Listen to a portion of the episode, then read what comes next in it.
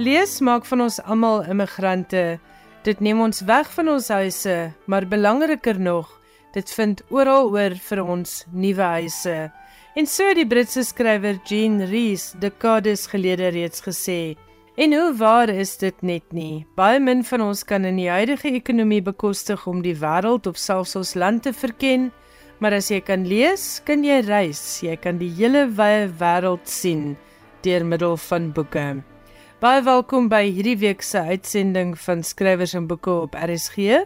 Ek is Elsje Silswedel en in finansie program gaan ek jou voorstel aan Sissy Kotse, een van die bekendste name en gewildste skrywers in Afrikaans. Sy het onlangs haar 90ste verjaarsdag gevier en gesels met my oor haar lewe en werk. Dan gaan Joan Hambidge vir ons vertel van vier boeke wat sy hierdie jaar gelees het en vir luisteraars kan aanbeveel. Johan Meiburg het oudergewoonte weer interessante internasionale boeke nuus en vanaand gesels hy met ons oor die toekenning wat Salman Rushdie ontvang het by die Frankfurtse Boekeskou. Hy praat ook oor 'n toespraak wat groot opspraak verwek het by hierdie selfde Boekeskou. Dan het hy ook vir jou nuus oor die gevierde skrywer Hilary Mantel se autobiografie. Dit het onlangs verskyn, 'n jaar na haar dood in September verlede jaar en dit was ook die laaste boek uit Mantel se pen. Dit dan alles waarna jy kan uitsien in die volgende byna 'n uur. Ek hoop jy geniet vanaand se program.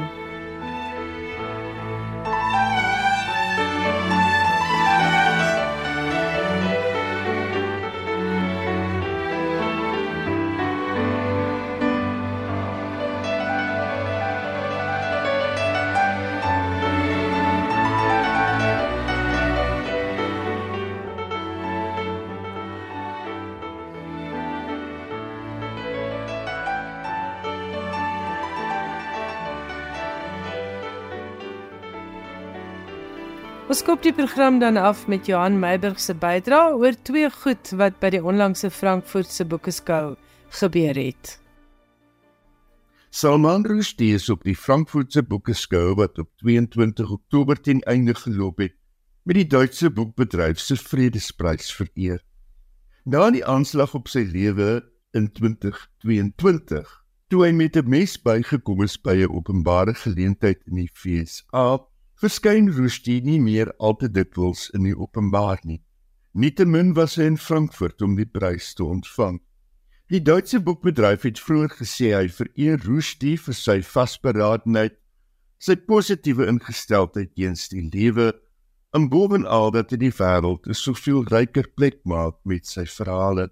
In 'n onderhoud in Frankfurt het Rushdie gesê daar's bitter min wat die letterkunde kan doen in 'n krisis soos byvoorbeeld die Israel-Hamas oorlog. Ek het nog altyd probeer om dit waartoe letterkunde in staat is nie te ver te dryf nie, het hy gesê.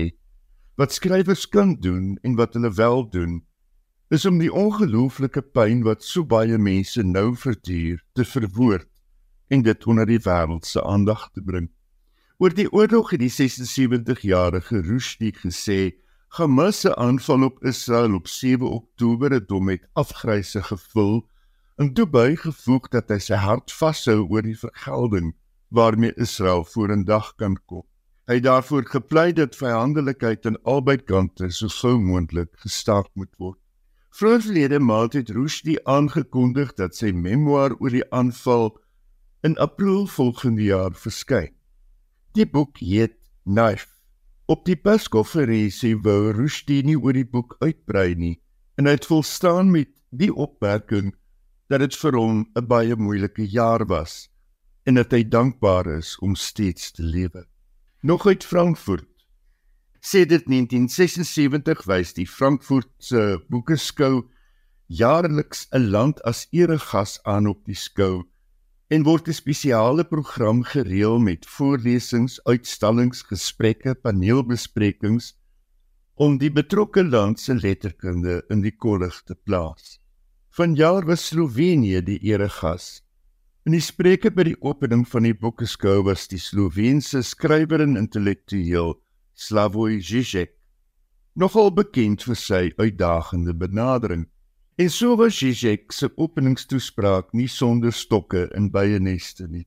veral nie nadat die Frankfurtse boekeskou reg van die begin af by monde van Jürgen Boos, die skou se direkteur, om aan die kant van Israel geskaar het in die jongste Midde-Ooste se konflik.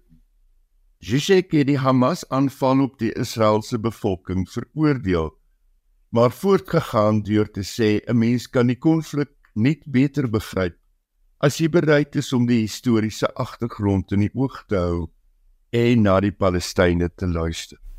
Dit was die stem van Johan Meiberg. Jy luister na skrywers en boeke, jou belangrikste bron oor Afrikaanse boeke.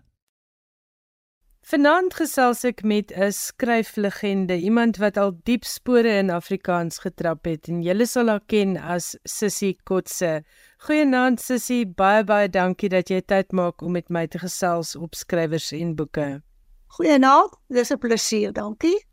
Ek wil net vir luisteraars sê wat dit dalk nie verlede week gehoor het nie, maar Sissy Kotse het verlede week 90 jaar oud geword. En tog is sy steeds aktief. Sy het hierdie vroeër hierdie jare wonderlike roman gepubliseer met die naam van Hulle noem haar Carminda. So ek wil vanaand so 'n bietjie oorsig doen oor jou loopbaan Sissy. Waar het dinge vir jou begin as dit kom by skryfwerk? Ek het van van jongs af het ek graag gelees. En as ek nou iets goeds gelees het, dan dink ek myself, ek wens ek kan ook so iets skryf. En uh toe ek in matriek was, het ons 'n onderwyser gehad wat vir ons soms so tussen periodes voorgeles het uit uh daai boekie van met liefde van Katunka. Dit dink ek vir myself, dit is nou vir 'n mens wat nou nie onderleg is in skryfwerk nie, maar wat net natuurlik iets wil vertel, is dit nou lekker om uh, iets soos wat sy geskryf het. Jy is nie op die Weskus gebore nie, maar jy het sin toe getrek toe jy 'n jaar oud was, maar mens sien dwarsteer al jou skryfwerk jou diep verbondenheid met die streek. Vertel ons 'n bietjie van die Weskus en hoe dit op jou lewe 'n invloed gehad het. Kyk, my ouers is is albei Weskus, ons kom van Vredenburg se stad, ja van die see wêreld af. En uh Ek het maar toevallig op die plaas naby Oakfield gebore, maar ek is eintlik 'n Weskuser. Ek is 'n gebore Weskuser. My pa het toe ek 'n jaar oud was, het hy 'n aanstelling gekry by die kreeffabriek op Doornbaai en toe het ons daarin getrek. En meer Weskus kan 'n plek eenvoudiger in die Weskus van daai tyd kan 'n plek nie wees nie. As Doornbaai. Jy het vir Petra Miller baie oor jou pa vertel en jy skryf dat hy 'n uitsonderlike man was met 'n fyn sin vir humor en iemand met 'n oog vir detail. Vertel vir ons van sy invloed op jou storieskrywery. Ek dink my pa het 'n geweldige indruk op my van van kleins af gemaak omdat hy mense so vreeslik pragtig kon som en namaak. Hy kon met gesigsuitdrukkings en met met spraakwyse kon hy 'n mens vir jou soos 'n prentjie skilder. En uh, en my pa was baie lief vir die veld en vir die see gewees en hy het dit op ons afgedruk. Ons was eintlik baie in sy geselskap in die veld en langs die see. En dit het vir my 'n liefde gegee vir daardie twee. Jy het ook vertel van die Weskus se uh, stories. Uh dis in verskeie onderhoude wat jy oor die jare gevoer het, genoem dat daar storievertellers was dat elke aand om die etenstafel en wanneer mense kom kuier, is daar gesels en storie vertel en ons weet ook dat die Weskus bekend is vir sy talle goeie storievertellers. Het dit 'n saadjie gesaai saam met daardie leeslus van jou om wel self te begin skryf? Ja, jy weet, ons het altyd as 'n groep boeremense bymekaar gekom om 'n etenstafel na aandete. En as ons kinders was nou deel van die geselskap. En daar is die pragtigste stories oor mense is elke keer net wat mense rondom ons gedoen het en wat hulle ervaar het wat vir ons op 'n humoristiese manier weer oorgedra is. Daar baie lekker aan so 'n tafel gesels en gelag ook vir mense. En ek dink dit het by 'n mens daardie inspirasie gegee om oor sulke mense te skryf wat baie van daai mense was werklik baie snaaks.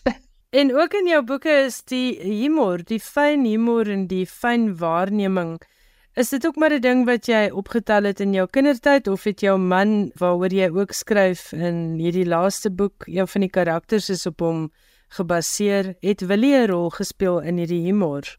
Ja, dit ook, maar dit kom van ver af. Ek het opgegroei met humor. Want mense het altyd vir mekaar gelag. Ek dink mense wat smaak kry.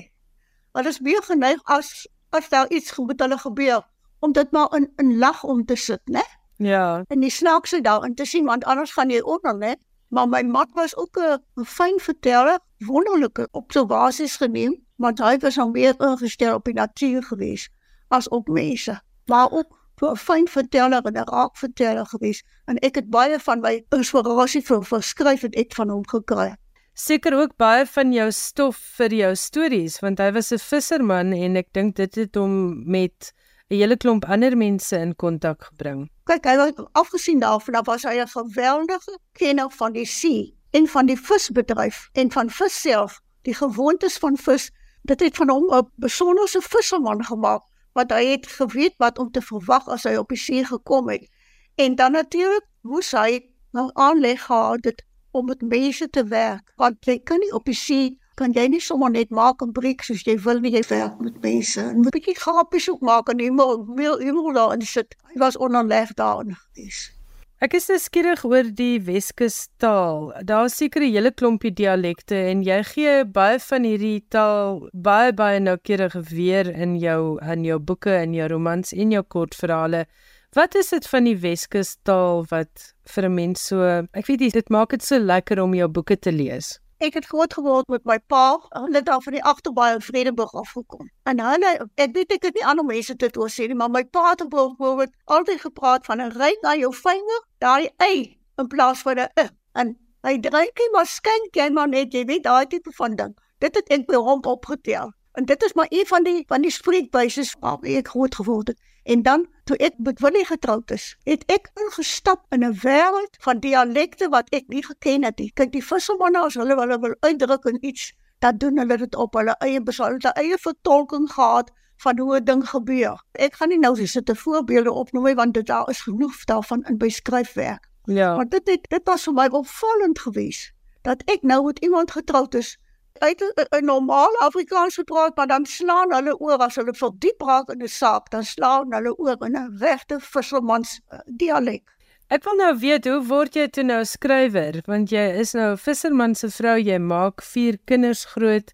Later was jy 'n boervrou toe Willie uh, moes aftree op die see en gaan boer het.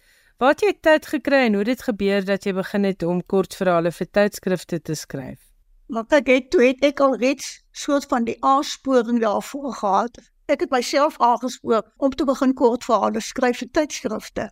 Maar as 'n mens op 'n plaas woon, jy kan maar deel raak van 'n boerdery, maar daar is baie tyd en ek het toe al die geete in my gehad om te wil skryf en ek het ook al die aansporing van iemand soos Pietra Grutte en Audrey Blino en daai mense het my baie ja aansporing gegee om te skryf sodat ek nie wil gaan terugsit het en niks doen as ek nie by die by my man se boerdery betrokke was nie dan kon ek myself nog uitleef in skryfwerk en ek het van elke klein bietjie tyd wat ek gehad het, het ek benut om dit te doen.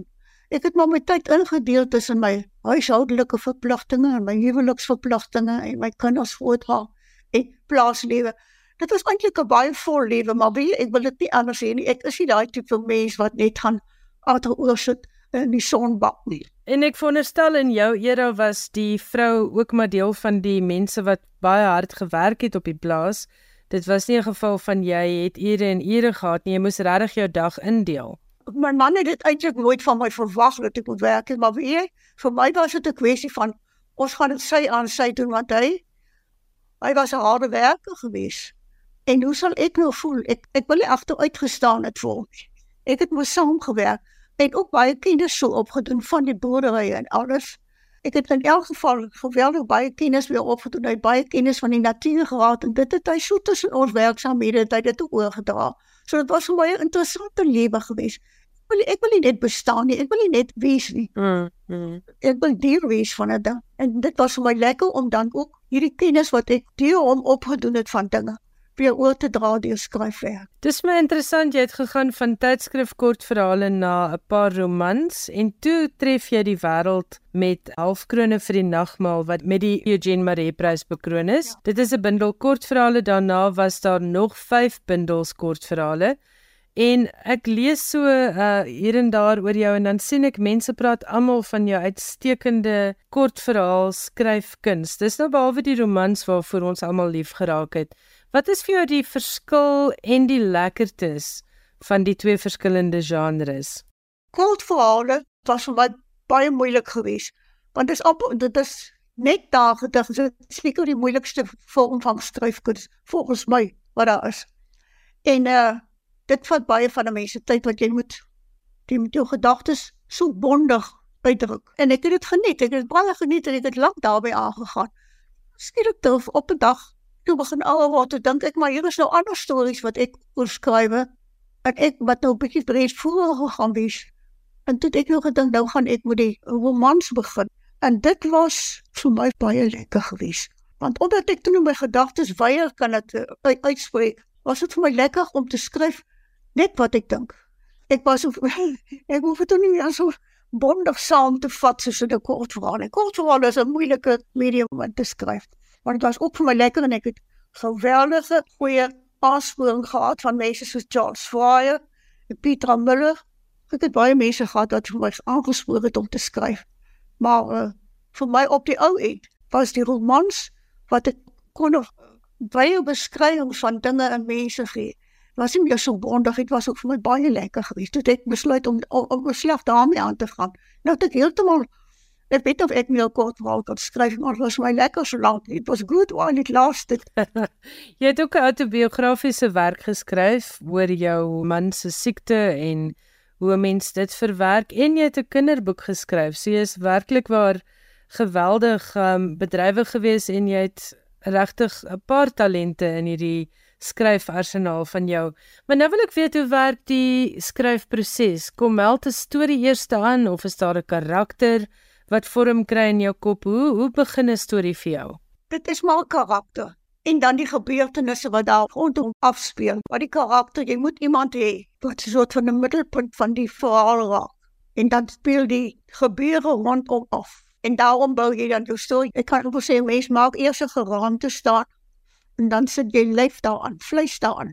En so bou jy 'n boek op of jou gebeure op. Is jy baie gedissiplineerde skrywer? Skryf jy elke dag, skryf jy aantal woorde elke dag of het jy dit maar gevat soos dit kom? Ek was in die opstel baie gedissiplineerd geweest dat as ek met iets besig is, dan doen ek dit heel hartig. Ek het gewoonlik soggens vroeg begin skryf, maar ek het ook op dat ek in my huis geskryf het moes ek uh, tyd afstaan vir, vir ander ander goed wat op my pad kom, as die telefoon lui, moet jy net gaan antwoord of as daar iets voorval. Maar oor die algemeen is ek 'n gedissiplineerde skrywer, ek het ek wou dit sê dan wat gewerk omdat ek 'n stadige werker was. Ek kan nie gaan sit en 'n ding sommer klaar maak nie. Ek moet eers dit oordink en baie keer moet ek dit oorskryf. Maar ek het gereeld geskryf en hoe ouer ek geraak het, hoe meer tyd het ek gehad en hoe meer 'n vaste dissipline het ek gehad. Het iemand nou die dag vir my gesê, ek het een oggend vir jou kom kuier toe ek al in die afdrie oord gewoon. Maar ek het by eie huis gehad. Toe sê jy ek het vir jou kom kuier en toe sê jy vir my ek het nie tyd vir kuier gaste nie. Maar dit is Dis nie dat ek nie tyd het vir kuier gaste nie. Maar jy kan nie gaan sit as jy met jou met 'n tema besig is, 'n onderwerp besig is. Ja dit onderbreek vir 'n gewone gekekkelie. Ek het ek nie tyd gehad nie. Ja, want want jou fokus word verbreek, né? Sis, maar ons het op die ou en baie goeie vriende geraak, maar dit verstaan. Ja. My deel toe is dit toe finish en klaar. Goed. Ek is ook nou bietjie nuuskierig oor die vroeë skryfproses. Um, ek het gesien jy het 'n sekretariële kursus gedoen. So ek aanvaar jy het met 'n tikmasjien gewerk of het jy langhand geskryf? Hoe het die die aanvanklike daai eerste tydskrifverhale, hoe het jy dit aangepak? Ek het 'n tikmasjien gehad, slaaks genoeg. Was my man nie 'n vreeslike bewonderaar van skryf. Hy het al net gesê skryf ons is mal. Maar kan hom nie verstaan dit want ons is nie op maar aan opsigte nie. Maar hy het my tikmasjien gekoop. Ek en dan kon hy staan hier, waar ek tikmasjien op die eetkamer tafel. En op dit ek toe begin het begin skryf en ek het swak daardie ou woordjie geskryf en dit het nou beter masjiene gekry, maar ek het lank op 'n tikmasjien geskryf. En toe het ek later 'n elektriese masjien gekry, tikmasjien wat dit natuurlik sy voordele het. En toe op die ou end uh, het ek by 'n rekenaar gaan sit. Nou ja, my skoonseun sit hier in die vertrek by my en hy kan nou net lag. Want ek is verskriklik gepla omdat ek nou nie rekenaarkundige is nie, opge opgelei is nie. Het ek maar baie probleme gehad en nou was hy so goed elke keer wat ek kom bel en sê dit en dit het nou verkeerd geloop, dan het hy met ek het altyd gedink hy kom met graagte vir my help totdat ek nou by ou maar ek het ek het nooit ek was nooit baie rekenaarkundig gewees nie. Al wat al is dat jy uiteindelik jou stories uitgekry het. Op daardie rekenaar het ek baie skoolstories, ek het 4 of 5 boeke daarop geskryf. Ek weet nou nog hoe dit gebeur het, maar dit het gebeur en dit was baie maklik. Die rekenaar is natuurlik 'n wonderlike medium want jy kan jou foute so maklik regmaak. En jy kan paragrawe skryf en al daai tipe van ding wat jy nie op 'n tikmasjien, 'n tikmasjien laat vir jou baie hard werk as jy nie so vlot vlot is as wat jy moet wees nie. Veral seker dat redigering en die afronding, né? Ja, daar het 'n mens daarom nou die uit toe ek eers begin 'n boeke skryf het, het die uitgewers was eintlik vir my 'n wonderlike bystand geweest. Kyk, as jy nou 'n manuskrip klaar gemaak het en jy lê dit aan 'n uitgewer voor, ek moet sê ek ek kan hulle nie genoeg lof nie. Hulle was wonderlike mense. Ons kon 'n saak deur praat en, en ek was altyd gewillig om hulle idees te raad te neem en dit in daaraan te werk. Ek wil met jou praat oor jou laaste roman, hulle noem haar Carminda, soos ek vroeër gesê het, dit het verskyn in jou 89ste jaar, 'n paar maande voordat jy 90 geword het. Wat was die vonk vir hierdie verhaal en die motivering want ek veronderstel as 'n mens ouer is, jy het ook genoem dat jy COVID gehad het, is 'n mens dalk nie so lus om agter 'n rekenaar in te skuif nie. Ek dink daardie rekenaar was eintlik my behoud geweest. Die van wat ek geskryf ek sien mense, ek is vandag nou in 'n by 'n siekeboek by 'n afdrio. Ek is nie siek nie, maar uh, ek het toevallig daar beland en ek is nou daarvoor ek is pertfris en gesond. Maar die hele ding kom daarop neer. As jy eers gaan sit om niks te doen nie, nadat jy so 'n COVID gehad, ek was baie siek van die COVID. Maar ek het altyd die gevoel gehad jy moet opstaan en jy moet in oefening bly, jou verstand en jou liggaam. Jy moet in oefening bly as jy eers gaan sit gee vir jou oor aan die ellende. En ek het al die werk waarmee ek besig gewees het te klaar gemaak. Toe voel ek, daar's nog een ding waaroor ek wil skryf. En dis oor my man Willie. Hy was 'n skipper gewees. Ek wil oor sy lewe skryf. En dit is waaroor kom vandaan. Toe ek gaan sit en ek het mos nou saam met hom beleef. Dit was dit vir my so lekker om net hierdie dinge wat waarvan ek geweet het, baie van die goed wat in die boek staan, kom uit my verbeelding uit het ek bygelas om die storie lekker lyf te gee en so op maar ek het net gevoel ja. ek wil oor die skipper se lewe skryf dit is so baie soort van 'n verering van hom gewees hierdie hardwerkende man wat dit op die ou einde toe. Nie net vir homself sy lewe sy moeite werd gemaak het want hy het hard gewerk op die plaasie ook. Toe was hy al siek gewees en ek weer 'n soort van herstel op daar. Maar dat hy vir ander mense ook hier motief gegee het om aan te gaan met werk en om aan te gaan met met leef dit was my groot voorreg om dit te kon doen. So jy sê daar is fiksie in, maar daar is ook baie feite in. Hulle noem haar Carminda. Was dit vir jou maklik om die fiksie by te trek? Kyk, 'n mens moet mos al 'n verbeelding hê as jy skryf. Ek het 'n bietjie verbeelding bygesit en ek het baie feite bygesit en ek voel dit was alles geregverdig geweest. Ek het dit so gedoen omdat ek gevoel dit is so nodig. Dit is uh, wonderlik dat jy hierdie roman kon skryf vroeër in die jaar en ek aanvaar jy het alweer 'n nuwe idee waaraan jy werk. My nuwe idee is om te ek is nou 90. Ek is in 'n enkel kamer in 'n siekeboeg. Ek het geen geriewe tot my beskikking om meer te skryf nie, want die kamertjie is klein, dit is net 'n slaapvertrek en nie 'n woonvertrek nie. En uh, ek is nie meer in die posisie om te hasse te skryf nie, want as jy skryf moet jy stilte hê en jy moet genoeg tyd hê om jou gedagtes te laat gaan en dit dan saam te vat en, en neer te skryf. En daar by ons geweld baie onderbrekings want as jou kamer hier oop is dan sien almal jou en as jy toe kom hulle kyk of jy nog lewe. nou ja. en ek het besluit ek is nou klaar met skryf en uh, ek hou my nou self op my manier maar op ek moet onthou my omstandighede was al die jare soos op 'n plaasie gebly en ek het myself besig gehou met allerlei dinge behalwe skryfwerk en ek doen dit nou nog ek hou myself fisies besig ek gaan ek gaan nog gereeld stap ek het 'n walker ek stap nog gereeld ek gaan nie onder die boom sit en niks doen want dan raak die bene stram en uh, ek hou my kop lewendig ek doen allerlei dinge om my kop aan die gang te hou sodat my gedagtes nie begin stagneer nie. Ek kan nie dink dat ek soms na ete in my kamer kom en dadelik aan dink ek voel tot so in die kamer rond met allerlei dinge wat ek besig is. En ek het my eie eie klein boekerykie daar, so en ons het 'n goeie biblioteek. So ek lees baie, deur die genade van die Here kan ek nog goed sien. Ja, ek wou vir jou vra of jy nou tyd het om bietjie te lees. Ek lees baie. Ek lees baie en daar is nog al hier en daar mense met wie jy 'n boek kan bespreek en so aan of verder.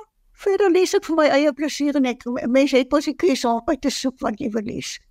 En en en ek doen dit so ek lees baie. Nee, maar ek ek skryf nie meer nie. Ek het dit afgeskryf. As 'n mens in so 'n plek kom, moet jy vrede maak met wat jy het. Jy moenie terugkyk en wonder wat kon gewees het nie. Jy weet wat jy gedoen het, het jy Ja, die wil nie gesê net vooruit op. Ons het nie ons tyd gemors nie. Maar dit is so. Ons het goue ure gehad en ons het ons tyd benut. En so sê Sissie Kotse, baie dankie dat jy vanaand met my gesels het en baie baie voorspoed en mag jy hoope wonderlike boeke hê om te lees. Baie dankie.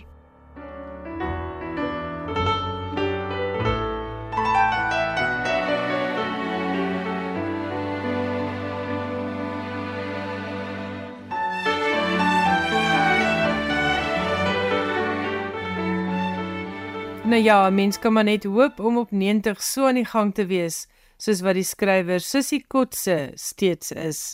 Haar jongste boek, hulle noem haar Carminda, word uitgegee deur Kwela.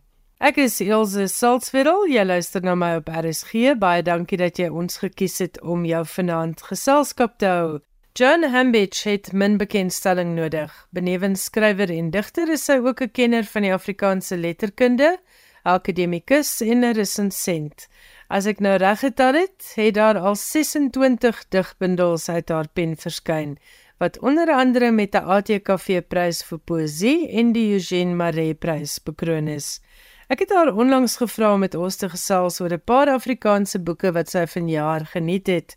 En hier is John Hambidge se vier keuses. Lekker luister.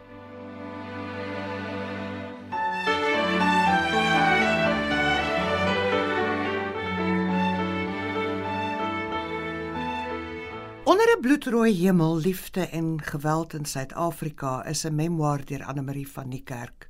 Dit is een van my gunsteling boeke van hierdie jaar.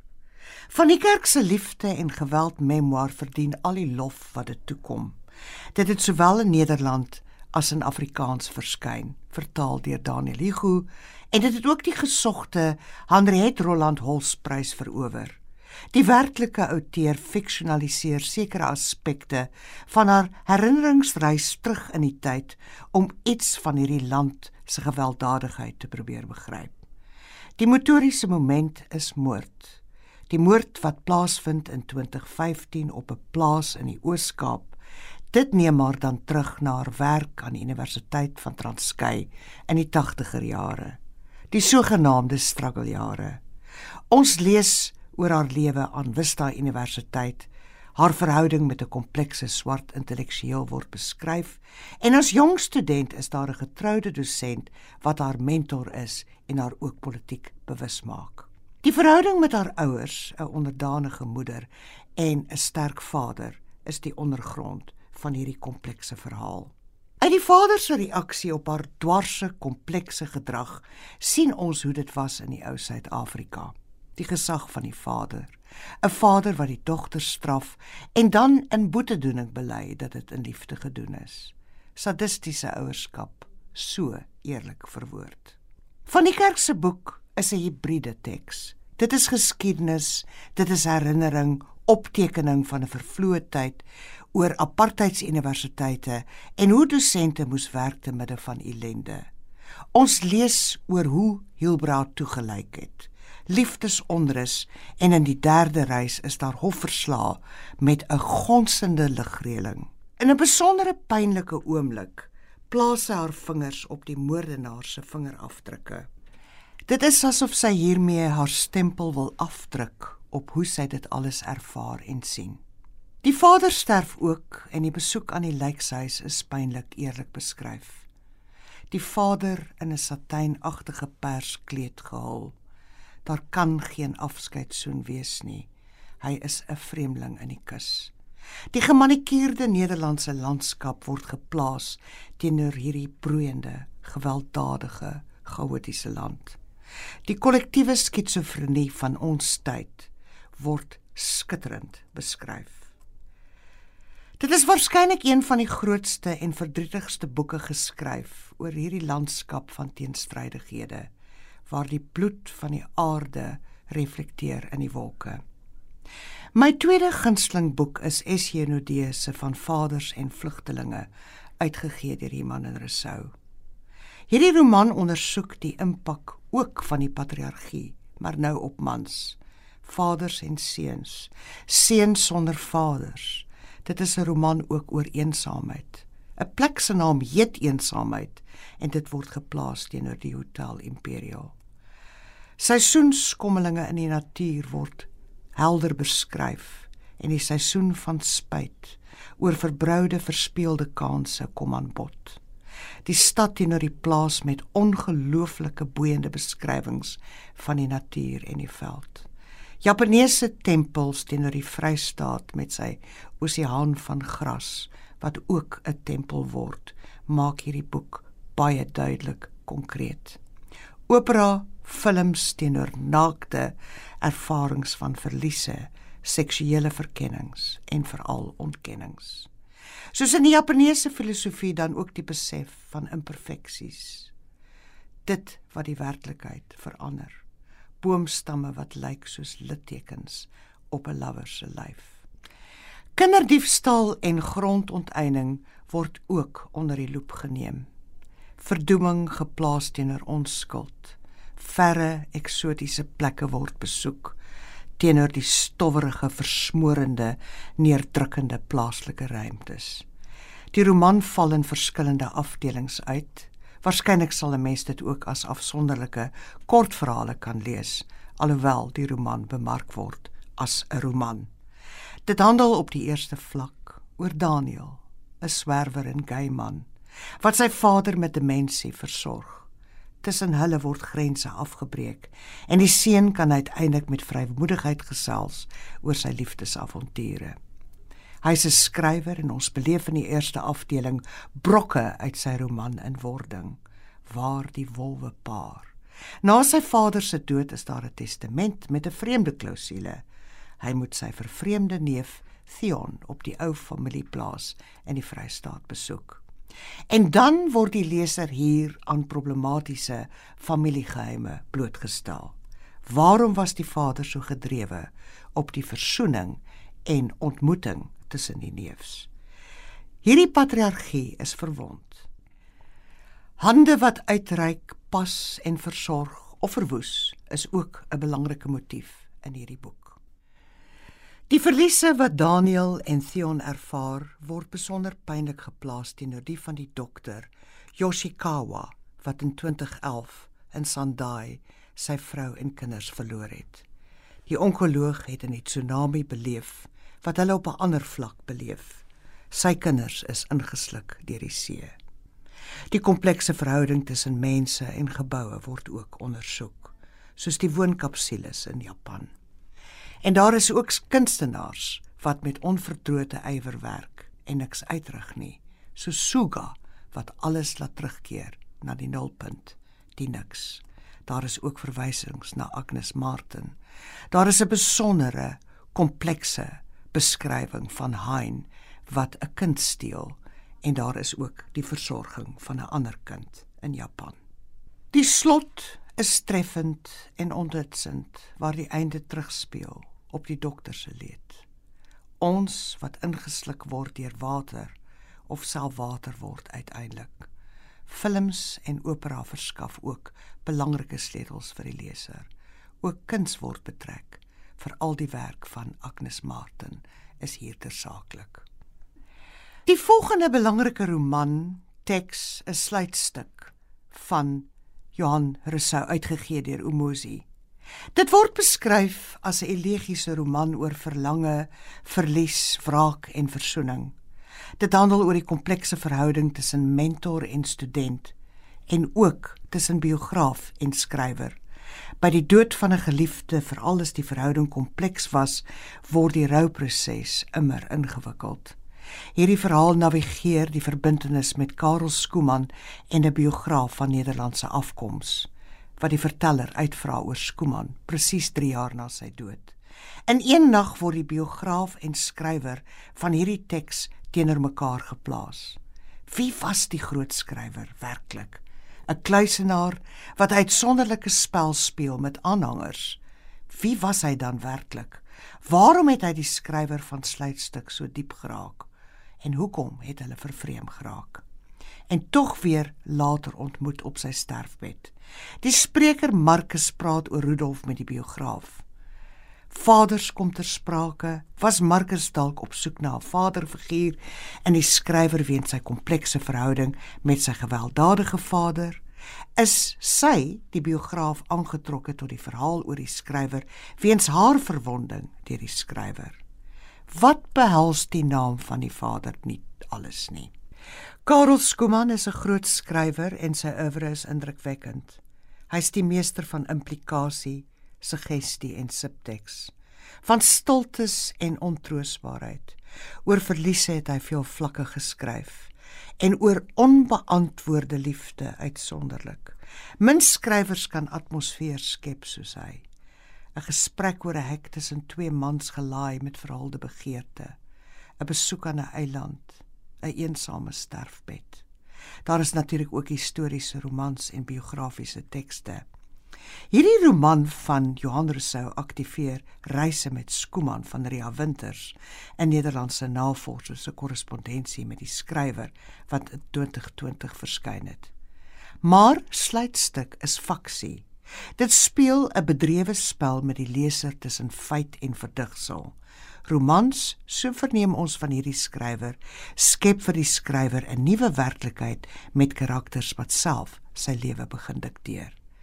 Dit lewer skerpsinnige kommentaar op dit wat ons dink ons weet van Karel Skuman, die kluisenaar en sogenaamde manipuleerder van die resepsie van sy werk, aldus die fiktiewe biograaf. Ons onthou immers ook sy droewige einde. Lewe en teks word slim vervleg. Meer nog dit word 'n verslag ook van 'n spirituele reis deur die Zen-boeddisme vir die gefiksionaliseerde Markus wat sy gewaarwordinge rondom erbarming en helderte en insig beskryf. Dit is ook 'n klad of 'n werkboek oor die skryfproses. Die leer wat Markus uithaal met sy briewe en aantekeninge en aan die biograaf stuksgewys openbaar lewer kommentaar op skryf as 'n proses. Daar moet eers ervaring wees voordat jy kan skryf en dan die oorgawe aan die ritme van die taal het Karel Skuman hom geleer. Dit is 'n pragtboek hierdie met epifanie wat onverklaarbaar is. Die vermorsing van kosbare energie op illusies wat by nabaat so sinneloos lyk. Stemme wat stil word en nooit in boeke tot uiting kom nie. Die asimetriese verhouding tussen mentor en disipel word beskryf soos die self wat gevind word wanneer jy ophou soek. Erbarming as die weg van die Boeddha. Die skryfproses wat leer, eers ervaring, dan die ritme, dan die woorde. In ewige gedagtenis sluit die teks verskom aan. Is daar ooit eintlik sluiting wonder mens na die lees van hierdie pragtboek?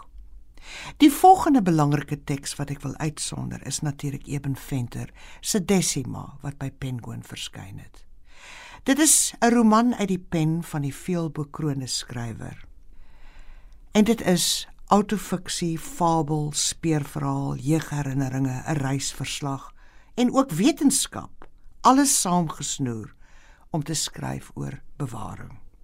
Die mega herbivoor, die renoster word in hierdie boek beskryf vanuit verskillende invalshoeke met talle stemme. Veral op 'n taalvlak is dit 'n boeiende roman omdat die skrywer Eben Venter se Afrikaans ook 'n soort bewaringsaksie word via sy moeder, soos die benaming van bossies, baba boutjies en lammerlat, boesman kers en verpis, kwaaiman, Dawietjie wortel.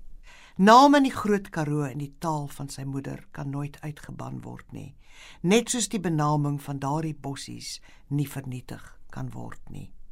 Want die name skryf hy is vir ewig in hulle wortels, hulle lattakke en saaddoppe.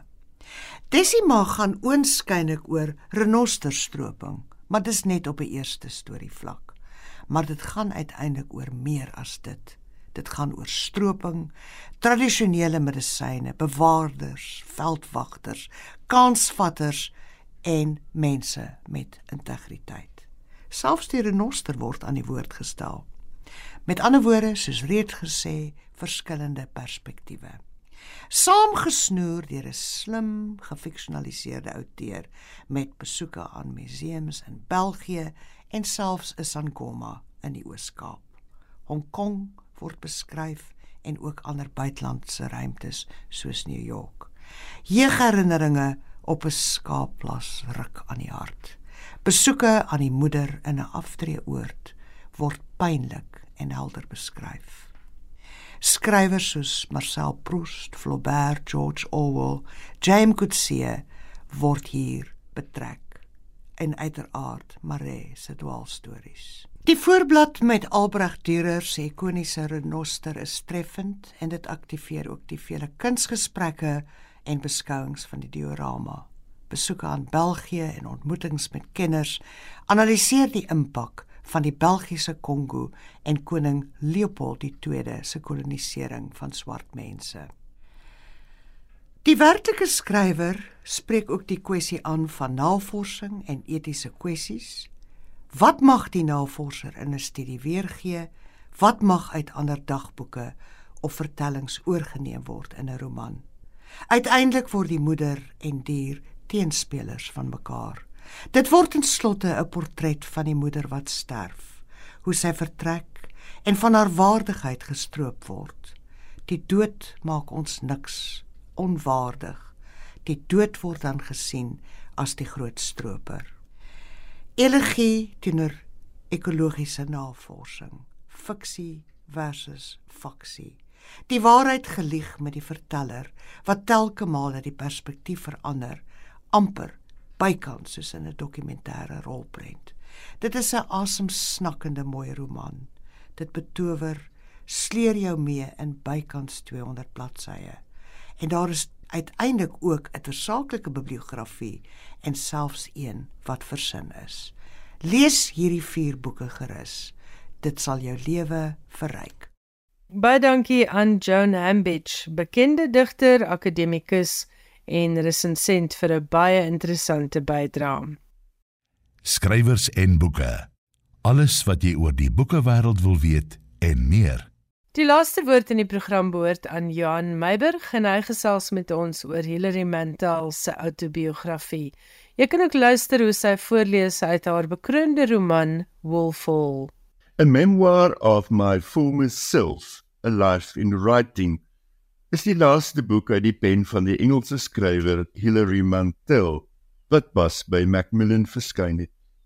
Mantel is in September verlede jaar op 70 dood. Afgesien van haar romans het Mantel jare lank ook vir dagblaaie en tydskrifte geskryf.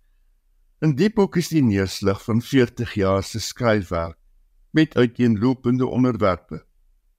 Daar is byvoorbeeld haar siening van nasionalisme en haar eie behoefte om iewers te behoort. Sy bespreek uiteraard temas wat sy interessant gevind het en wat sy in haar romans ingevleg het van die Franse revolusie tot fisika, van Tudor Engeland tot medeskrywers, mense soos Jane Austen en W.S. Naipaul. Sy skryf oor haar kinderjare, haar gesondheidsprobleme as 'n jong vrou en die versmoorende jare wat sy in Saudi-Arabië deurgebring het, toe haar man daar as geoloog gewerk het. Haar skryfwerk sluit ook in rolprentresensies en vir die eerste keer ook haar sogenaamde Rees-lesings waarin sy fokus op die proses om kunsgeskiedenis weer lewe te gee. Mantel se Royal Bodies is ook ingesluit, 'n legendariese essay oor die eindelose bewondering wat mense vir die Britse koningshuis het.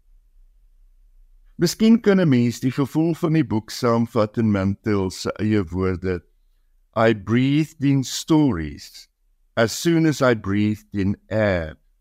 Sometimes I think I wasn't born, but I just came out in an ink blot. Mantel het die Booker Prys by twee geleenthede gewen. in 2000 vir Wolf Hall haar fiktiewe weergawe van Thomas Cromwell se lewe en invloed aan die hof van Henry die 8ste en in 2012 vir Bring Up the Bodies, die tweede aflewering in die Cromwell trilogie. Haar laaste roman en daarmee ook die laaste deel van die genoemde trilogie, The Mirror and the Light, het in 2020 verskyn. Hier lees Hilary Mantel 'n gedeelte uit Wolf Hall 1530 Thomas Cromwell meets Mary Boleyn, sister of Anne Boleyn. Mary Boleyn has brought her sewing with her, which she thinks is strange. But perhaps if she leaves it behind, Sister Anne pulls the stitches out. We thought Anne might run up and slap you, she says. Will you come again? Shelton and I can't wait. She can stand it, she says. And Mary says, yes, indeed. and likes a scrap with someone on her own level. What you working there? he asks and she shows him. It is Anne's new coat of arms. On everything, I suppose, he says, and she smiles broadly. Oh, yes. Her petticoats, her handkerchiefs, her coifs, and her veils. She's garments no one ever wore before, just so she can have her arms sewn on. Not to mention the wall hangings, the table napkins. Are you? he says. She looks down, glance swiveling away from him.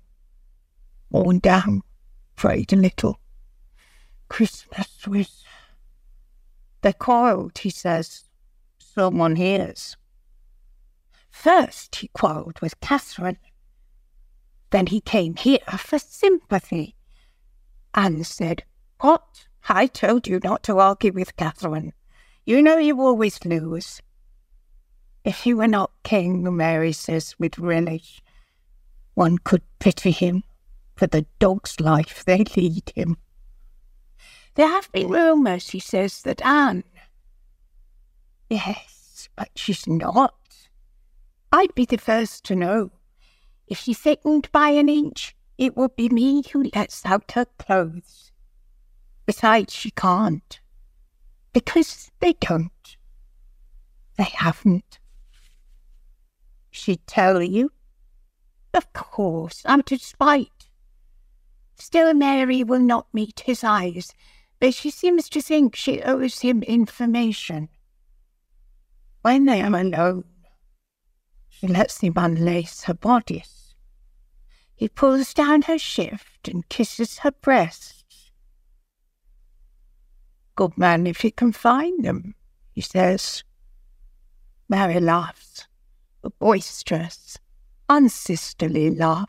Daardie stem het behoort aan Hilary Mantel, sy het voorgeles uit haar roman Wolf Hall. En as jy haar outobiografie wil aanskaf, die naam is A Memoir of My Former Self: A Life in Writing.